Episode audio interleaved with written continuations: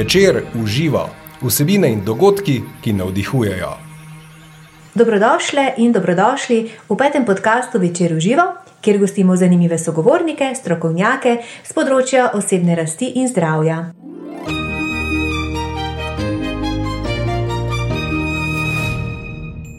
Danes po naši družbi pozdravljamo strokovnjaka z področja vzgoje, profesor dr. Sebastiana Kristoviča.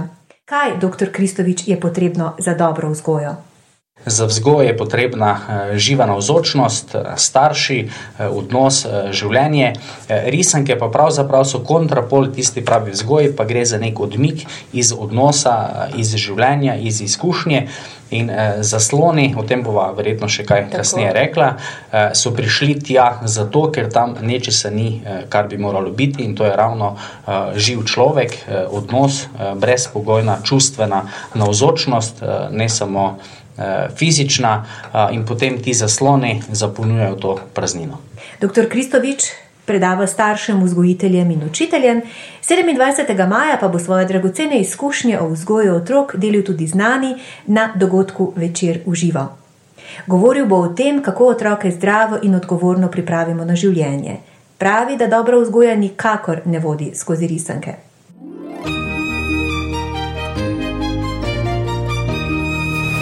Večer uživa vsebine in dogodki, ki navdihujejo. Kaj pa recimo nekateri strokovnjaki zagovarjajo način, da v bistvu koliko časa preživiš za, za, pred zaslonom, to pa kompenziraš s časom, ki ga preživiš, oziroma v naravi, oziroma v prosti igri zunaj. To se da pokompenzirati. Ja, temu jaz rečem uh, lažna alternativa. Uh, strokovnjaki zagovarjajo marsikaj, uh, raziskave potrjujejo marsikaj. Uh, lažna alternativa zato, ker bi lahko tudi rekli, da v enem podjetju bomo naredili raziskavo, ki uh, dokazuje, da kajenje cigaret uh, koristi uh, inštituciji in človeku, in potem se ta raziskava naredi samo čez določen preseg, nek redukcionističen pristop, gledamo samo en vidik, ker ti ljudje, ki kadijo, gredo dol, se družijo, se pogovarjajo sproščeni, je to neki distres in tako naprej. Ampak vemo, da kajenje absolutno eh, škodi zdravju, tako je tudi pri, risanki, pri risankah zaslonih. Eh, jaz vedno gledam tako, kaj je za otroka boljše, oziroma kaj je najboljše. Zato bi jaz dejal, ne da je tri ure eh, pred televizijo, potem pa strokovnjaki nekateri rečejo, in potem naj še bo tri ure zunaj, ker vemo, da je to lažno, ker to se v glavnem nikoli ne zgodi. Zakaj ne bi bil raje že? šest ur zunaj, če tako rečemo. Ne? Zakaj se ne bi več čas igral zunaj? Ampak eh, pri risankah je tako. Uh, Mi smo včasih tudi gledali Tako, risanke, ampak, ja, gledali, ja. ampak to je bila pred spanjem eh, risanka, včasih dve, redko, uh mhm. -huh. zelo redko pa tri, ampak to so bile dve, tri minutne risanke. Uh mhm. -huh. Potem so prišli tri zajčke, ki se jih še spomnimo, cik-cak, so si umili zobe in smo išli spat. Seveda to ni, ni imelo nobenih kvarnih učinkov na možgane, na razvoj, na duševnost, duševno zdravje, na anksioznost, depresijo v mladostniških letih, samo poškodovanje zasvojenosti, nekemične in tako naprej. Ampak je to pač bila ena malenkost, mi smo takrat bili večino časa zunaj, se igrali, tudi stepli, skratka, normalno otroštvo. Problem pa je to, da danes otroci ure in ure preživijo pred zasloni. Eh, pametnih telefonov, pred tablicami, eh, PlayStationi, uh mhm. -huh. računalniki in tako naprej. Sej, eh, če pogledate današnji otroci, več čas nekam gledajo, več čas nekam zrejo. Otrok pride se usede v avto in ga že od zadaj čaka en zaslon. Uh mhm. -huh. Gre v restauracijo in mu že oče ali mama data zaslon. Pride na obisk in že dobi zaslon. Torej, povsod so neki zasloni, otroci povsod nekam zrejo. Je mhm. rojstni dan in mora priti nek klon ali pa grejo v nek McDonald's in jih tam nekdo animira. Skratka, otroci več čas nekam zrejo, nimajo pa več kontakta drug z drugim. Empatije se ti ne moreš naučiti z vlačenjem prsta, ampak z, v kontaktu z živim človekom, da ga vidiš, kako doživlja. Tudi ko se recimo dva stepeta ali pa eh, brat, sestra, ko so kakšni ti boji, da se vidi, kje je meja, kdaj škodiš, kdaj je stvar resna. Danes teh, teh občutka za to toleranco eh, več ni in jaz mislim, da delamo Ne mislim, ampak sem zelo prepričan, da delamo eno nepopravljivo škodo našim otrokom, njihovim možganom, mm -hmm. duševnosti. Recimo, eh, bral sem eno raziskavo, dve uri igranja igric na možgane enako vpliva kot ena črtica kokaina. Po desetih letih, minimalno uro na dan zaslona, so možgani enako kvarjeni kot pri tistih, ki so pet let na heroinu. In mislim, na stotine teh raziskav imate, kako vpliva to na možgane. Thank you. V tem zgodnem obdobju se možgani razvijajo, vzpostavljajo se sinapse, povezave, torej nek način, kako bo človek deloval, kako bo razumeval, kako bo čustvoval, kako bo doživljal svet, kako bo doživljal ljudi, eh, ljubezen, radost, eh, lepoto in vse to. Eh, in eh, če pogledamo, včasih je bilo tako, da smo bili več čas zunaj. To pomeni, da smo se tudi stepli, te opekle kopriva, če si bil iz vasi, si padel, kolena si bila zguljena. Skratka, svet smo doživljali preko vseh petih čutil in tudi možgani so se bolj celostno razvijali na podlagi teh doživetij. Danes v večinski meri je samo 2D, že od rojstva naprej. Da ne omenjamo tega, da se otrok rodi, ne pa ga že čakajo kupi igrač. No, to, zdaj smo bila pri risankah. Um, polne dražljajev so tudi razne te didaktične igrače, ki, tudi, ki jih dobijo otroci. Um, ali v tem zgodnem starostnem obdobju največ je teh, ko pritiskaš in piska in ti govori, in to je tudi, a je to v redu. Ne, to je podobna stvar, ker ti, eh, če tako posplošeno rečemo, ti močni dražljaji. Ja uničujejo otrokovo čutnost, doživetje. Zato imate vi danes 10-12 letnike, ki so apatični, melanholični, ki se jih nič ne dotakne. V njih ni več tiste iskrice, mm -hmm. tiste želje, krepenenja, da človek po nečem krepeni, ampak so na nek način otopeli. Jaz vsako leto organiziram eh, ustvarjalno doživljajske tabore. Kot sem že omenil, v življenju sem delal za skoraj 5000 otroci. Si upam nekaj reči. Ko reče 5-6 letni otrok, prvi dan, Meni je dolg čas. Okay. Mi delamo eh, tam, gradimo neke ustvarjalne delavnice in reče meni, je to brez veze. Je to nekaj zelo, zelo zaskrbljujočega. Jaz že vrsto let govorim, da moramo postati danes varuhi otrokovega otroštva. Vedno, ko sem kje v medijih, če se le da poudarjam to. Varuhi otrokovega otroštva, zavarovati moramo njihovo otroštvo, ker imamo postarane odrasle, ker so stari 10-12 let in so že videli in doživeli vse. Nič več ni o čem skrito. In potem je to še starševska naivnost, staršem se sanja, kaj vse gledajo po noči na uh, mobitelih. Veste, da dva, trikrat klikneš in vidiš vse, kar hočeš, potem so pa drugi dan neprespani in, uh, in vse to. Skratka, uh, gre za ene resne posledice, ki, ki uh, povzročajo tudi nekemične zasvojenosti. Mhm. Stroka danes, v slovenskem prostoru, še tega dovolj dobro ne poznamo, se o tem ne govori in posledično, seveda, tudi ne ukrepa. Posledice so pa vidne že takrat, ko je v glavnem, uh, ko je v glavnem že uh, prepozno. Skratka, za razvoj je potreben živ človek, je potreben odnos, je potrebna izkušnja. Vse te igrače, vse te impulzi, vse te uh, uh, nek naval, nek, nekih držav, pa ubija to notranjo kreativnost in ustvarjalnost. Danes, ko smo na teh dejansko valovih, mm -hmm. da, da so vsi otroci talentirani, danes so vsi geniji, vsi nadarjeni. Eh, če, če so naše raziskave, mojih kolegov, res relevantne, je Slovenija prva država na svetu z največ genialnimi in nadarjenimi otroci. Drži, ja, jaz imam na leto okrog 600-700 študentov na fakulteti, na dodiplomski, magistrski in uh mhm. -huh. doktorski ravni, pa se vsako leto vedno znova sprašujem, Kje? kam ti geniji izginejo. Mi govorimo o digitalnih domorodcih. Oni so se rodili z napravami, mi smo se morali učiti. Ampak to je ne zmota, to je zabloda. Ne znajo narediti v Wordu kazala preprostega. Jaz sem mentor diplomskim in magistrskim in ugotovim, da kandidatka kazalo napiše naslov, potem pa pikice pritiska, pa na koncu napiše 73. In potem se za en odstavek spremeni in mora vse na roko eh, spremeniti. Mislim, delati poste na Instagramu, pa komunicirati preko Snapchata, pa Facebooka, pa Messengera in to, in igrati igrice, eh, menjavati med aplikacijami, še ne pomeni, da si digitalno pismen. Mm. Ali pa kako animacijo narediti, pa v PowerPointu. Tako da jaz mislim, da smo tu zelo, zelo zavedeni. Na svetu ni ene resne. Resne, neodvisne raziskave, ne da raziskavo financira kakšna korporacija. Ne, ni ene relevantne neodvisne raziskave, ki bi kazala, da eh, zasloni koristijo možganom, duševnemu zdravju, odnosom, kakovosti in smislu življenja. Jaz mislim, da je glavni problem to, da smo mi pozabili na življenje.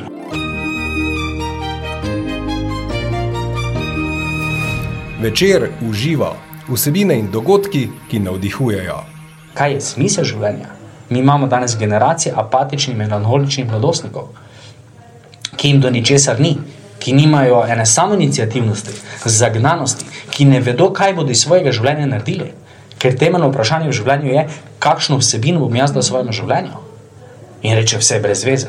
Jaz mislim, da to je en najbolj uh, težko prebavljivih, krutih stavkov sodobnega časa. Vse, Vse je brez veze. pri otroku. Ne? Okay. Ampak se pravi, starši smo tisti, ki, ki sprejemamo odgovornost, ki sprejemamo vzgojo, ampak še vedno. Um, Veliko krat se zgodi, no, mislim, pogosto pri manjših otrocih smo, se uporabljajo, um, so to mašila, recimo, ker ne poje kosila, oziroma da bi lažje jedel, se mu zavrti risanka. Potem otrok vsaj nekaj poje, v čakalnicah so tudi uh, ekrani, v, na nekih dolgih poteh se tudi, ver, da otrok zdrži. Ne? Kako pa torej otroka, kakšna je pa še alternativa ga zanimirati? Um, starši nimajo časa, konstantno govorimo, nimamo časa. Kaj predlagate? Ja, jaz mislim, da je zmota ravno v tem, da mislimo, da moramo otroke animirati. Aha, Ja, ravno to je, ravno to je jedro. Mi vedno debato ne, ali, pa, Ja. ali pa neko srčiko sidrišče debate predstavljamo v neke, neke čudne konce. Ne? ne, starš ni animator otroka, mama ni 24-urni servis. Danes, v zadnjih parih desetletjih, so se mame spremenile tako kot one naprave stand-by, ko lučka mm -hmm. več čas utripa. Otrok samo požmikne in mama že Skoči. skoči. Jaz danes se moramo, od 20-30 let nazaj, bi trebalo staršem reči, dajte se kaj ukvarjati z otrokom, dajte se kaj pogovoriti z, uh, z punco, dajte kaj govoriti o spolnosti, o čustvih, o ljubezni in tako naprej, ker starši se včasih tega niso pogovarjali. Danes pa, pa staršem govorim ravno obratno, rečem mamam, nehajte se ukvarjati z otrokom. Dajte mu mir. Otrok se mora sam zaigrati. Danes, ko imamo to, kot smo že prej dejali, to težnjo po genialnosti, po talentiranosti, eh, mi je zelo žal, ampak je ravno kontra učinek. Mm. Albert Einstein, torej ne kdorkoli, ampak Albert Einstein je dejal, če hočete imeti genialne otroke, kaj je pogoj za genialnost? domišljijo. pravi domišljija. Domišljija ni kar tako. Domišljija je področje kreativnosti in ustvarjalnosti. In z vsemi napravami, z vsemi animacijami, z vsemi igračami, z vsemi impulzi ubijamo domišljijo. Zato bi trebalo otrokom jih osvoboditi, ne odvzeti, ker odvzeti je kruta beseda, jih osvoboditi igrač. Manj igrač je boljše. Manj je več, zato ker če ti nimaš igrač, včasih, eh, ne vem, smo naredili neko juho, napeli nekje prek, smo bili kavbojci, indijanci, mislim, smo sami kreirali igrice. Male eh, punce na vasi, vem, ker sem iz vasi, šili? So, so, so ja, je bil gumitvist, pa te kuhince, ne pa so blato, pa koprive, pa so to mame mogle pol poskušati, ker so nas skuhali. Skratka, je domišljija ustvarjanja se je dijala. Danes se vse to, se vse to duši. Otrok ne more razvijati tega notranjega sveta. Ne samo, da se poneumlja, ampak tudi nastaja neko eno umje. Vsi razmišljajo enako. Torej, kaj, kaj prihaja nekje eh, od tam.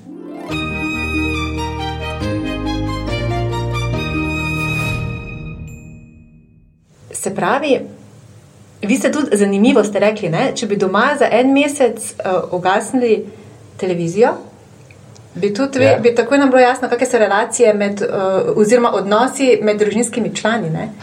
Um, v smislu, da, da ta mašila, pač od ekranov do teh animacij, um, v bistvu tudi um, nekako dušijo uh, družinske vezi oziroma te medsebojne odnose. In uh, se prave relacije sploh ne pokaže, ker vse čas z nečim mi zapolnimo. Ja, pri otrocih. Ne? Točno tako. Ne? Jaz veliko krat imam kakšne seminarje za delovne kolektive ali ja. pa te šole za starše. Govorim prav o teh nekemičnih zasvojenosti in kako to vpliva na duševno zdravje, uh mhm. na možgane, razvoj možganov, uh, odnose in vse to. In e, rečem, da je zadeva podobna kot neka kemična odvisnost. Ne? Uh mhm. -huh. Recimo na terapijo, ko imamo inštitut, pride par. In gospa reče, da vidi težavo v tem, da gospod uh, rad da kakšno kapljico preveč na zob. -huh. Potem vprašamo gospoda in on reče, da to seveda ni res, da on cele dneve dela, se žrtvuje za družino in zdaj, če on kako pivo spije zvečer, za vikend s prijatelji, že je pijanc. Uh -huh. Pa rečemo, v redu, ne, zdaj to se ne da ugotoviti, ne, dajmo narediti en test, pa se bo to hitro pokazalo, če ni težav z alkoholom, 3-4 mesece 0-0, ne, niti požirka, zdaj, če nimaš težav z alkoholom, to ni nobena težava. Ne? In se zelo hitro vidi. Ne? In potem svetujem, rečem, staršem, tudi vi, mi, mnogi izmed nas, ste zasvojeni z televizijami. E, zasloni, ne? to je težko za poslušati, to, to mm -hmm. prebaviti. To zaboli. Ja? E, pa si kdo misli, ne? kaj zdaj to neke neumnosti s televizijo za sve, ne? to, to še nismo slišali. Rečem, naredite preprost test. Za štiri mesece potegnite kabel ven. In čez par mesecev, ko imamo recimo ta srečanja, eh, šole za starše ali pa seminar, čez par mesecev, nekaj jih to poskusi in kaj povedo. Oni povedo, da ni bila težava, da ne bodo gledali nekega filma ali dnevnika, ampak težava je bila, kaj bo vam mi dva zvečer počela, mož in žena. Po eni strani govorimo, ni časa, po drugi strani pa raziskave kažejo, da tudi mladostniki na dan 4-5 ur preživijo pred zaslonom. Ljudje gredo zvečer spat in še ko zaspijo, jim utripa nekaj v zadju. Zato so, po mojem mnenju, zasloni največji kradljivci naših življenj in naših odnosov. Torej, kot vidimo, težava je spet nekje drugje. Torej, ne kot ste prej vprašali, kako ga animirati, ampak danes se treba otroke preprosto naučiti, da morajo tudi počakati. Danes se otroci ne morejo več umiriti. umiriti.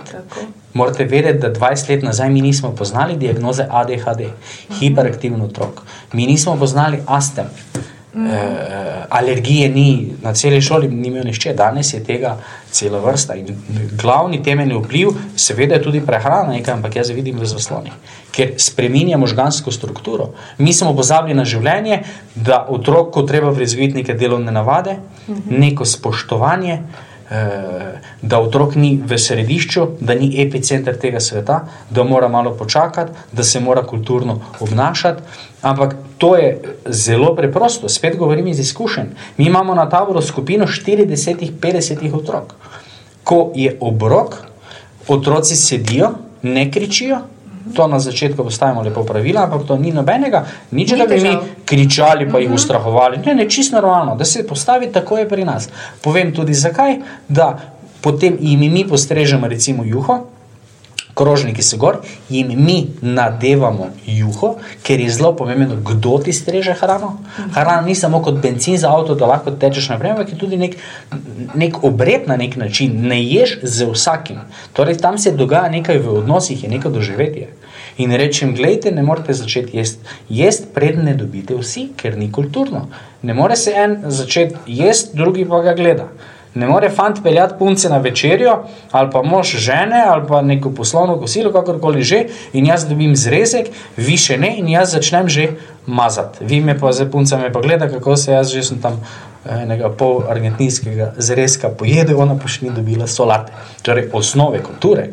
In ko mi vsem postrežemo, imajo vsi, rečem, dober tek, in vsi otroci rečejo, dober tek in lepo umirjeno začnejo jesti. Torej, manjkajo nam osnovne stvari. Mislim, to je zaskrbljujoče, da vi na taboru morate otroke učiti osnovnih, ja. osnovnih rekla, manir, uh, načina delovanja, komunikacije. Zelo zaskrbljujoče. Ne? Ja, zelo zaskrbljujoče.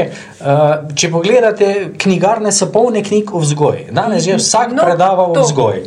Vse prevede neka knjiga iz Amerike o vzgoji in nekdo ja, to pobede. kot sveto pismo, štiri leta misionari po Sloveniji, peto, šesto leto ugotovimo, ja, pa to čist ne drži.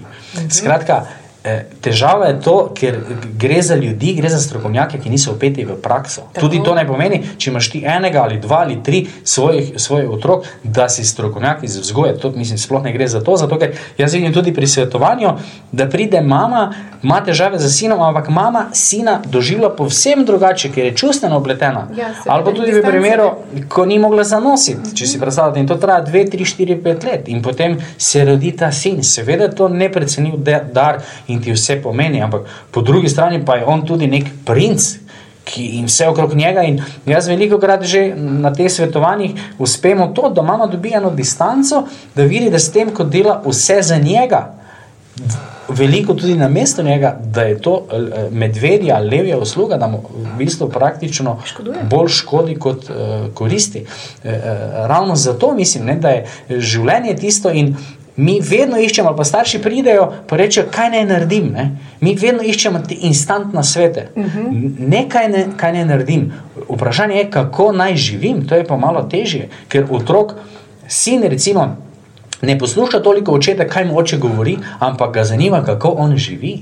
Ti to, kar meni govoriš, ti to meni pokaže Tako, za življenje. Mene zanima utrip tvoj, ne, ne teorija. In mi imamo skozi, tudi v znanosti, tudi v vzgojnem izobraževalnem procesu, imamo vedno neko teorijo ali pa nek eh, psihoterapeut ali ne vem kdo v eni topli sobi po kosilu. Natipkajo na fajn teorijo, ne, ki je fajn slišati, da se je treba z otrokom pogovarjati, pa ukvarjati, pa biti prijatelj z njim, pa ne vem, kaj vse. Ne. In potem imamo to teorijo in potem skušamo to teorijo usiliti, tiščati v prakso. Pa kar nasplošno v vse, v vse starše. Generalizirati za vse.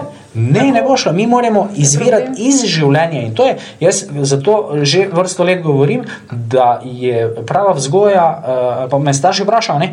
ker danes več ne vemo niti, kako dolgo otroka dojiti. Kako mislim, mm -hmm. osnovne stvari, ki ste rekli prej, osnovne stvari. Ja, mi smo, mi smo čisto zmedeni. Toliko knjig, toliko forumov, toliko strokovnjakov, starši reče, mi več ne vemo.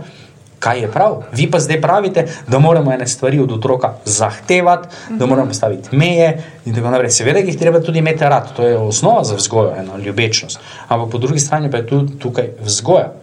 Eno je brezpogojna ljubezen, druga pa je vzgoja, ki je včasih tudi postavljanje nekih pogojev. Če je ljubezen brezpogojna, je vzgoja pogojevanje tudi včasih. Uh, skratka, rečejo, kako naj vemo, kaj je prav. In rečem, gledajte, strokovnjaki marsikaj govorijo ali pa govorimo. Vi ste pa tisti, ki veste. Ki najbolj poznate svojega, Svojega otroka, otroka, otroka no. ker vsak ima dva, tri otroke, točno mm -hmm. ve, da vse vzgojne metode, ki so držale pri iste? prvem, pri prvem, pri drugem, niti približno ne držijo. Mm -hmm. Pri tretjem, on pa je bilo zgodba zase. Se včasih pohecam, kot da bi vsak svojega očeta, pa nima. Pa, ja, rečejo, iz- istostnih, iz istega Ja, gnezda so, ne, isto, ne. isti prijemi so bili. Vsak je individuum. Tako, tako. In rečem staršem, če bi pa vam že dal kakšen nasvet, bi vam pa dal nasvet, držite se zdrave pameti. Pa še dodam kmečke, zato ker zdrava kmečka pamet je pomembna. Ker kmet točno ve, da mora nivo zorati, pognojiti, da nivo mora počivati, posejati, obdelovati, pa še kaj gor pogleda, da toča ne bo pridelka, pridelka stokla. Torej, zdrava kmečka pamet. Jaz mislim, da ne rabimo nikogar, da pride iz Kanade ali ne vem odkot, ampak da treba malo prisluhniti tudi našim babicam, detkom. Ker danes, kaj otrokom manjka, ne manjka jim pameti, manjka jim vztrajnosti, delovnih navad in discipline. Preproste tri stvari, ki so generalni recept za kakovostno življenje. Ne rabimo hoditi v Indijo iskati samega sebe, pa saj babi zdaj ga več ni. Pa, mm -hmm. Mislim, poglejte, ljudje so čisto izgubljeni. Mladi, vsi se iščejo. Kaj je smisel življenja? To je temeljno vprašanje. Pa ljudje dihajo, pa meditacije, pa joge, pa vse ni to samo po sebi slabo, ampak jaz mislim, da je življenje tisti preizkusni kamen, ki kaže, ali to mene, kar delam, vleče vedno bolj v življenje, v odnose, v konkretnost, ali ravno obratno, v nek individualni svet. In permisivna vzgoja vzgaja egoistično. No, Zato, ker sem jaz. So ego, mali egoisti. Mislim, pravijo, Ja. ja. vzgajamo male egoiste. To Točno to. težava. Točno to. Uh, greš po ulici, on se ne omakne, uh -huh. on ima svojo špuro. Mi smo še tako, greš pa na par metrov, že greš na stran. Ampak, recimo, dijaki, mladi, oni imajo svojo špuro. Ampak oni niso krivi, mi smo jih tako vzgojili, ker oni so se rodili in se je začelo vse vrteti okrog njih. Mi na mesto, da bi njih, jaz pravim, vzgoja za življenje je po mojem najkrajša definicija vzgoje. Vzgoja je vzgoja za življenje. Mi na mesto, da bi otroke vzgojili in pripravili, opremili za življenje na neke zakonitosti življenja. Ne? Ker če vzamemo pisalo, pa spustimo to, vemo vsi, da bo padlo dol. Ne? Lahko se ne vem še kako pogovarjamo, ampak gor ne bo padlo. Mi jih pa učimo ravno obratno. Mi pa hočemo naravne zakonitosti in življenja celo prilagoditi No, njim. to. Ne da bi njih opremili. Za življenje.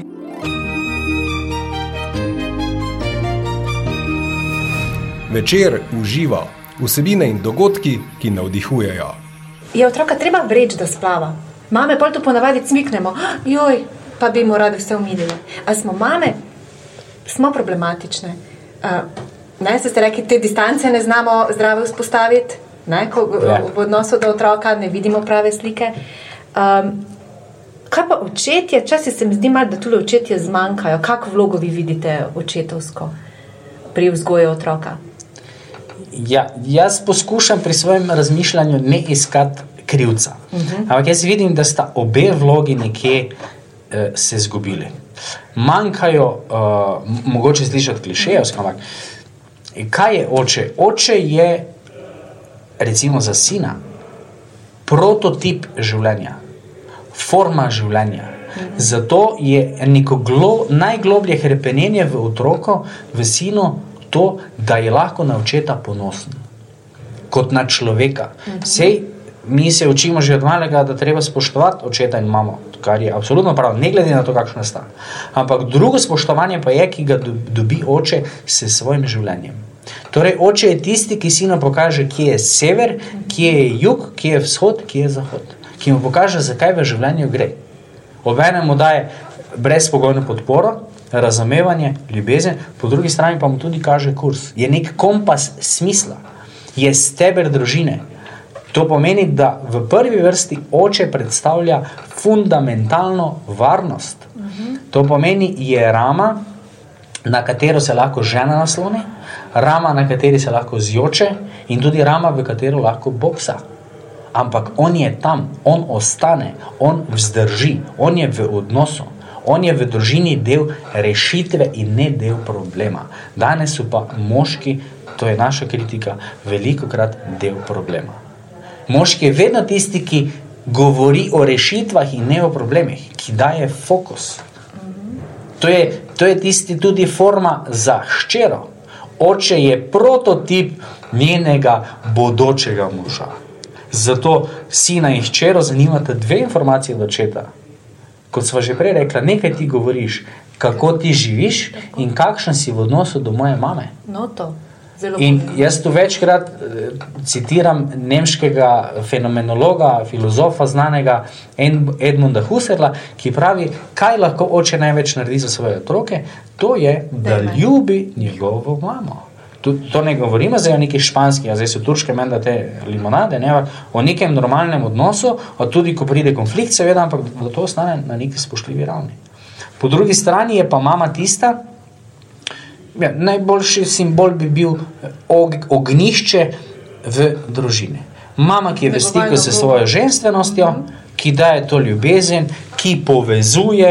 Ne? In tu sta oče, vse to ne pomeni, da ima samo en to vlogo, drugi to, vse se stvari prekrivajo, ampak je vendarle malo ta princip v ospredju. In ključno pri vzgoju je, da sta mama in oče usklajena, da drug drugega vidita. In mi se danes učimo na predšolski vzgoji, vedno vprašam mlade mamice, rečem, ko se rodi otrok, kaj je na prvem mestu, in vse en glas rečejo otrok. otrok. Pol pa vprašam, rečem, kje je pa partner, pol pa začnemo gledati dol. Ne, na prvem mestu je vedno partner. In potem se učimo na šole za starše, rečemo, ko kjeri pride domov in ta mali prileze ali pa ta malo ne. E, e, tako ne, rečem, morate stopiti preko njega ali pa mimo njega in najprej objetni poljubiti ženo. Žena je na prvem mestu. In potem vidiš tak šestletnega škrata, ne, ko se mama poče objamete, pa ne mislim zdaj spet nekaj usladno, ampak je normalno, ne. Kaj naredi ta mali? Ja, na mali pa pride vmes. Vmes pride pa se za mamico malo boli, ker z očetom to nimata nikoli čisto razčiščeno, Ja, ja. od koga je bolj zdaj ta mamica, ne. In je to en normalen razvoj. Ampak na simbolični ravni, življenjski ravni je pomembno, mama in oče sta na prvem mestu. Torej, v družini je na prvem mestu odnos. Mi smo pa postavili otroka. Mi pozabljamo, da to tudi ne, gre včasih kdo na kakve, za kakšne tedni na Finsko, ne, malo tam pogledam, ampak pozabljamo pa to, da finski otroci gredo po srednji šoli vsi od doma. Se hitreje samo To pomeni, ja, ja, sam skušam starše učiti, na rekovajih, rečem, vaša glavna naloga je, da otroke spravite čim prej od doma. Lepše, bolj romantično povedano je, da jim pomagate oditi. Ker ljubezen ni tista, ki vleče k sebi, ki se sana sebe. Ker zdaj vse stvari, ki jih jaz delam na mesto otroka, otrok jih pa je sposoben že narediti, ga delam na nezavedni ravni, odvisnega od mene. In na nezavedni ravni mu sporočam, nisi sposoben. Ali je to zavezanje vezalk, ali pa je to preda, dojenje tam po enem letu in naprej. Spanje pri starših, mislim, mi imamo državljane težave z spanjem, z odvajanjem, z hrano, z dojenjem, z osnovnimi stvarmi. To so stvari, ki se 20-30 let nazaj o tem sploh nihče ni govoril. Danes pa delamo magisterije in doktorate. Ali je dojenje do četrtega leta zdravo in koristno ali ne. In imate en tabor strokovnjakov, ki pravijo, da je koristno. Ampak kakorkoli že, otroka se do enega leta kliče dojenček, dojenček, od enega leta naprej pa je malček. Zato je po mojem mnenju eno leto zadnja meja, ko treba otroka nehati dojiti. On več tega ne rabi. Ker pri tem dojenju ne gre za ljubezen, ampak gre za, jaz pravim, za neko čustveno ja, prisesanost. In otrok mora spati v svoji posli od začetka, ne da danes imamo ne, te nočne sprehajalce, tu se ogromno staršev, pa so tam vsi novi, stari 90 let, pol enih pride, ne, pa pa rečem, uspe rečem, kaj pa reče mož. Pa je rekla ena gospa, ja, on pa gre v otroško spat. A, so tako. Ja. Da so že to čisto normalne prakse. Ne? Ja, to je. Uh, doktor Kristovič, to mi še povejte, počitnice bojo kmalo. Kaj naj otroci lenarijo? Ali naj tudi kaj za šolo naredijo? Kaj utrjujejo? To je večni problem staršev. Ali naj grejo v vodene aktivnosti? Ne. Jaz mislim, da počitnice so počitnice. To pomeni, naj nimajo za šolo veze čist nič. E, dva dni nazaj sem bil na enem izobraževanju in je bil rektor uh, Cambridgea. In je povedal, da njihovi študenti ne smejo imeti ne avtomobila in ne motorja, službe itek ne morejo imeti, ker je preveč dela. In reče zato, ker študij traja sedem dni v tednu. Ne šest, sedem dni v tednu. Recimo, to je tako, da uh, Popoldne so predavanja, drugi dan so dalje ob desetih, in ko so popoldne predavanja, profesor jim da za prebrati 70-80 strani teksta A4, uh -huh. brez slikic. Da se razume, 12 pisave, ena pa 12 razlika. Oni morajo to biti pripravljeni, torej delajo intenzivno. Sedem dni v tednu. Uh, mi imamo na fakulteti, se to govorimo, pa kako z visokega šolstva, pa nekatere fakultete imajo tri izpitne roke, pet, šest, pa tako naprej. Na resnih fakultetah v svetu je en izpitni rok. In torej, ker naši študenti dojemajo, da je več izpitnih rokov za to, da ga hodiš poskušati. Ne? ne, tam se pripravijo, pridejo urejeni in je to nekaj časnega. In dva meseca predtem že pazijo, da se ne prehladijo, da slučajno ne zgubijo, uh, ne zgubijo enega leta. E, potem pa pravi, In to traja 8 mesecev, potem pa 3 mesece so počitnice. Hočem reči, ko je čas za šolo, za študij, naj bo čas za to, ko pa pride tudi nedelja, recimo vikend, pa naj, bo, naj se tiste stvari prej že naredijo, naj bo vikend za to, naj bo počitnice za to. Počitnice naj ne bodo prepuščanje brez delju, pa zaslonom, ampak mhm. naj bodo zunaj, naj ustvarjajo. Tudi recimo kakšni eh, eh, tabori, recimo to, kar mi vodimo, moj namen našega tabora ni, da otrok šest dni nekje preživi. Pa mi tam pač počnemo, kar počnemo, ampak so čisto vse dejavnosti ciljno usmerjene. Ustvarjalnost, kreativnost, odgovornost, samostojnost in tako naprej. In mora tudi biti nekaj red, pri nas ni telefonov, ni tablic, ni zaslonov. In veste, kaj je najbolj zanimivo? V vseh letih nisem slišal stavka, da bi kdo to pogrešal ker je toliko drugih stvari. Torej, naša, naš izziv je, kaj bomo otrokom dali na mesto teh zaslonov in vsega tega, kar je tam.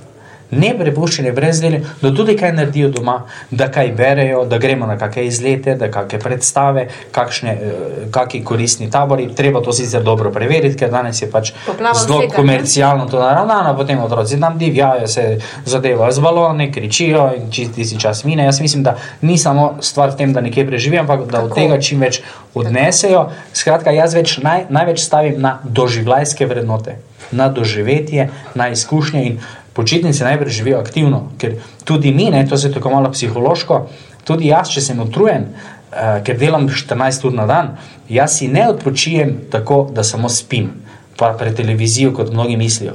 Ampak psihološko se človek refrešira, osveži z drugimi vsebinami. To pomeni, da moram nekam iti.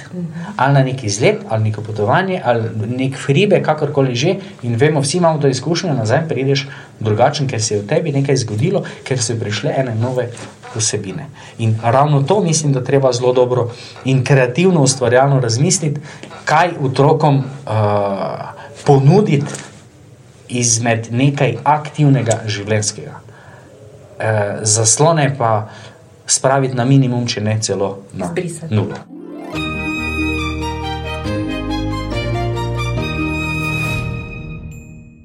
Dr. Sebastian Kristovič bo gost večera užival 27. maja v Mariboru.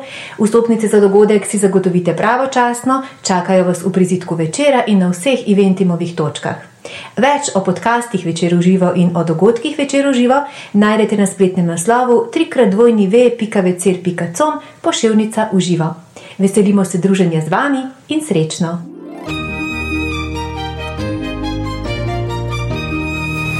Večer uživa vsebine in dogodki, ki navdihujejo.